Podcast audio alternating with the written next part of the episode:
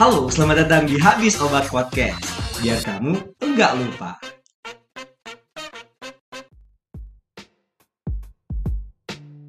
Halo teman-teman Habis Obat, apa kabarnya nih semuanya nih? Insya Allah sehat semuanya ya. Senang sekali aku Iman bisa menyapa teman semua dalam podcast Habis Obat. Teman-teman semua pasti udah tahu nih tentang antibiotik, apalagi farmasis-farmasis yang berbahagia nih di kawasan Indonesia eh, sekarang ini ya. Oke, Eh, biar kamu nggak lupa, saat ini aku ditemenin sama Iqbal, seorang farmasis yang juga sedang menempuh pendidikan nih sebenarnya, yang udah siap banget buat sharing mengenai antibiotik. So, halo. By the Halo, way, Pak Iwan. thanks nih ya udah mau datang dan mau sharing di habis obat. Oke, oke, Iman. Wah, sehat-sehat, Pak. Alhamdulillah. Gimana? Iman sehat? Alhamdulillah sehat juga. Oke Bang, goes to the topic ya. Oke, boleh, Hari boleh, ini boleh, kita boleh. bakal membahas tentang antibiotik dan mekanisme kerjanya. Sebelum kita menyelam terlalu dalam, goes deeper and deeper. Asik. Oke, sebenarnya antibiotika itu apa sih? Oke, eh, sebenarnya kita akan membahas mengenai antibiotik ya, Ya. di sini ya gitu. Nah, antibiotik ini kan dua suku kata ya, Iman ya. Oke, oke. Ada anti, ada Anti, biotik gitu. Biotik. oke. Anti ya anti, biotik berarti eh, biologis makhluk hidup gitu.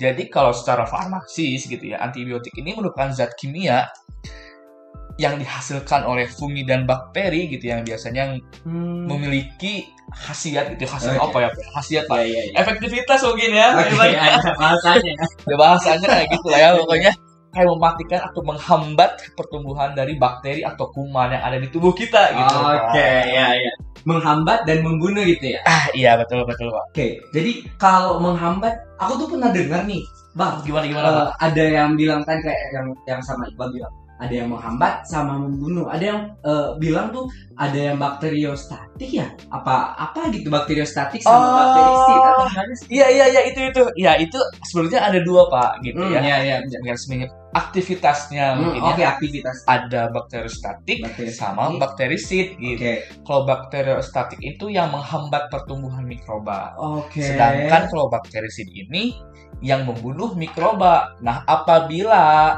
bakteriostatik ini ternyata pada obat itu digandakan aktivitasnya bisa aja di bakterisid gitu nggak sih Oh, Pak? gitu oke Iya kan? oke. Ya. ya ya ya ya Ya kan? Wah menarik banget sih sebenarnya ini antibiotik. Kalau yang di pasaran tuh contohnya kayak kayak mana pak? Yang yang, yang antibiotik itu mungkin banyak ya mungkin yang kita udah beli tapi kita nggak tahu kalau itu tuh sebenarnya antibiotik. Jadi yang di pasaran contohnya kayak Ah, contohnya kecil-kecil aja ya, Pak. ya, yang kecil-kecil aja. Ada penicillin, ada tetracycline, misalkan ada erythromycin, clindamycin, pokoknya sin sin sin aja deh pokoknya ya. Kalau secara secara gampangnya gitu yang sin sin Oke. belakangnya. Oke, banyak juga ternyata nih. Kalau seandainya kita beli nih, terus kita pakai, kita pakai sembarangan gitu, nggak perlu ada resep dokter dan lain sebagainya. Bisa nggak sih kayak gitu? Ah, kalau kayak gitu sebenarnya nggak bisa, Pak. Hmm. Aduh, saya manggil Pak nggak apa-apa ya. Apa biar Eh, udah, udah, udah kebiasaan gitu loh, Man. kebiasaan oke. Udah kebiasaan gitu loh, Man.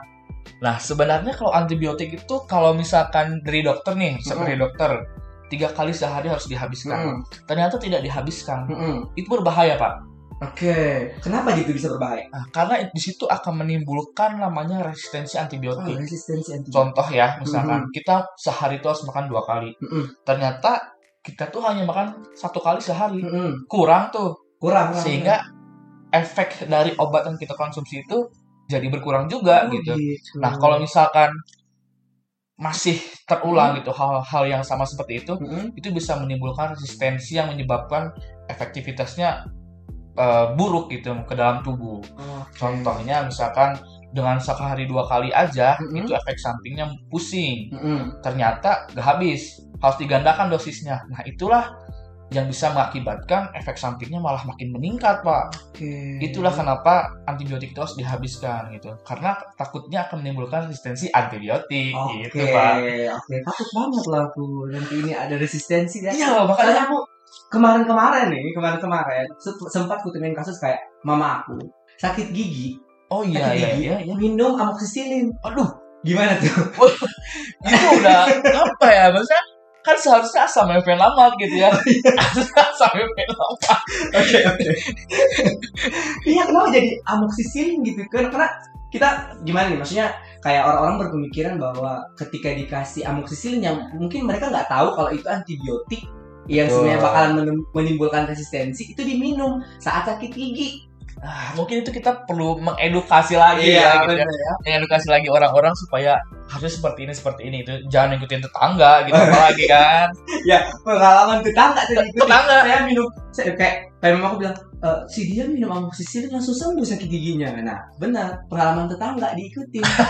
padahal prosedurnya nggak kayak gitu. Iya. ke dokter dulu. Ya Nah kayak benar, back to the yang tadi sampaikan sampai. Bahkan eh, mengedukasi ya. Mungkin Iya, iya. ini podcast habis obat iya iya didengerin sama masyarakatnya secara umum, secara luas bisa mengedukasi. Apalagi tentang eh, apa ya yang eh, terkait eh, materi hari ini ya yang disampaikan sharing-sharingan hari ini yang tentang antibiotik supaya masyarakat tuh nggak ada yang salah lagi dalam menggunakan antibiotik. oke oke Oke. oke Aku tadi yang dengar kata eh, resistensi nih apa ya? Mungkin juga buat teman-teman yang lagi dengerin podcast sekarang, hati-hati nih kalau resistensi bisa jadi monster nggak pak? oh bisa dong maksudnya monsternya monster yang menyerang dalam tubuh ya bisa merusak jaringan, bisa merusak organ, apalagi ginjal kan ya, yang Oke. bisa misalkan bisa merusak gitu, menyaring sari-sarinya Oke. gitu, takutnya. Siap siap. Oke di Brand Deeper nih pak, kita udah tahu tentang antibiotik itu apa, aktivitasnya seperti apa yang kayak tadi dibilang ada bakterisid sama bakteriostatik ya. Oke, Nah dari segi mekanisme kerja nih, si antibiotik ini apa ada bedanya dari segi mekanismenya apa gimana?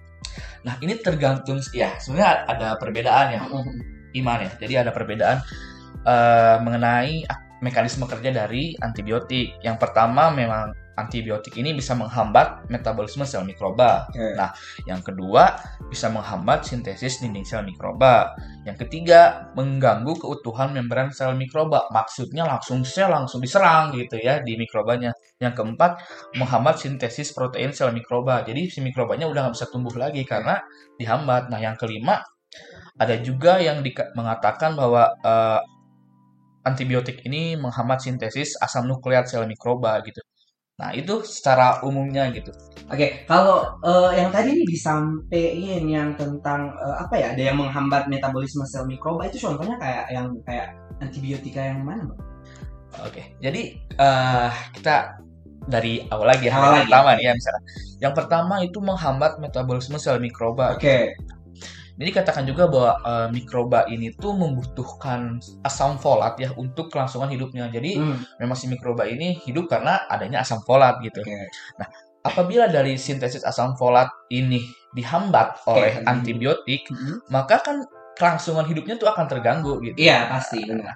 Dan tadi juga saya menyebutkan bahwa obat-obatnya itu beda-beda ya, beda-beda bagaimana? Mm-mm. Nah, yang pertama ini eh, yang tadi yang saya sebutkan pertama ini efeknya bakteriostatik. Nah, contohnya ada sulfonamida, ada trimethoprim gitu ya, sama sulfonamida. Nah, itu. Oh, Nah, itu oke. Yang tapi Pak Iman tahu kan obat-obatnya? Ya, agak agak tahu. Agak tahu ya. Coba kita flashback ulang. Flashback lagi Coba ya, flashback ulang. lagi Pak ini soalnya. Semakin eh, apa ya, kayak banyak obat di kepala, jadi kayak lupa-lupa lagi. Apalagi tentang antibiotik nih, banyak banget golongannya dari segi eh, yang tadi aktivitas, kemudian mekanisme, jadi mesti diulang lagi. Ya, meski kita ya namanya kita belajar ya Pak ya, Oke, tiap hari benar. belajar biar nggak lupa. Biar nggak lupa. Sesuai dengan hashtagnya habis obat ini ya, Oke, Iman ya. bener banget. Nah, Terus yang ya, kedua nih yang kedua ini ada menghambat sintesis dinding sel mikroba. Eh, Contohnya ini ada obat penisilin, ada cefalosporin tuh Pak. Yang cefalosporin itu ya Pak ya, sam- sampai 4 golongan itu nggak sih Iya, Pak? benar benar benar. Empat benar. apa Ya, lima sih, Pak? lima, Oh, eh, empat generasi. Empat generasi nah Ya, ya sorry sorry ya empat empat generasi terus ada vancomycin sama sikloserin. Nah Oke. bagaimana caranya dinding sel ini kan terdiri dari polipeptidoglikan ya Pak ya. Hmm, ya benar benar. Bila sintesis pep polipeptidoglikan ini dihambat, maka dapat menyebabkan dinding sel ini lisis atau hancur Oke. atau terurai Ya. karena hanya tekanan os- tekanan osmosis dalam sel yang lebih tinggi dibandingkan dengan tekanan di luar sel. Itu yang kedua. Oke. Paham kan ya? Paham, Lisis paham, lisis apa lisis? Oke. Oke. Lisis dan lain sebagainya. Nah, yang ketiga ini mengganggu keutuhan membran sel mikroba. Kenapa? Karena rusaknya membran sel ini dapat menyebabkan keluarnya berbagai komponen yang penting dalam eh, sel mikroba tersebut seperti protein, asam nukleat, nukleotida dan lain sebagainya gitu ya. Hancur aja misalkan. Nah, contohnya ini ada polimixin, golongan polien gitu, serta berbagai antibiotik yang golongannya tuh kemoterapik ya. kemoterapi gitu.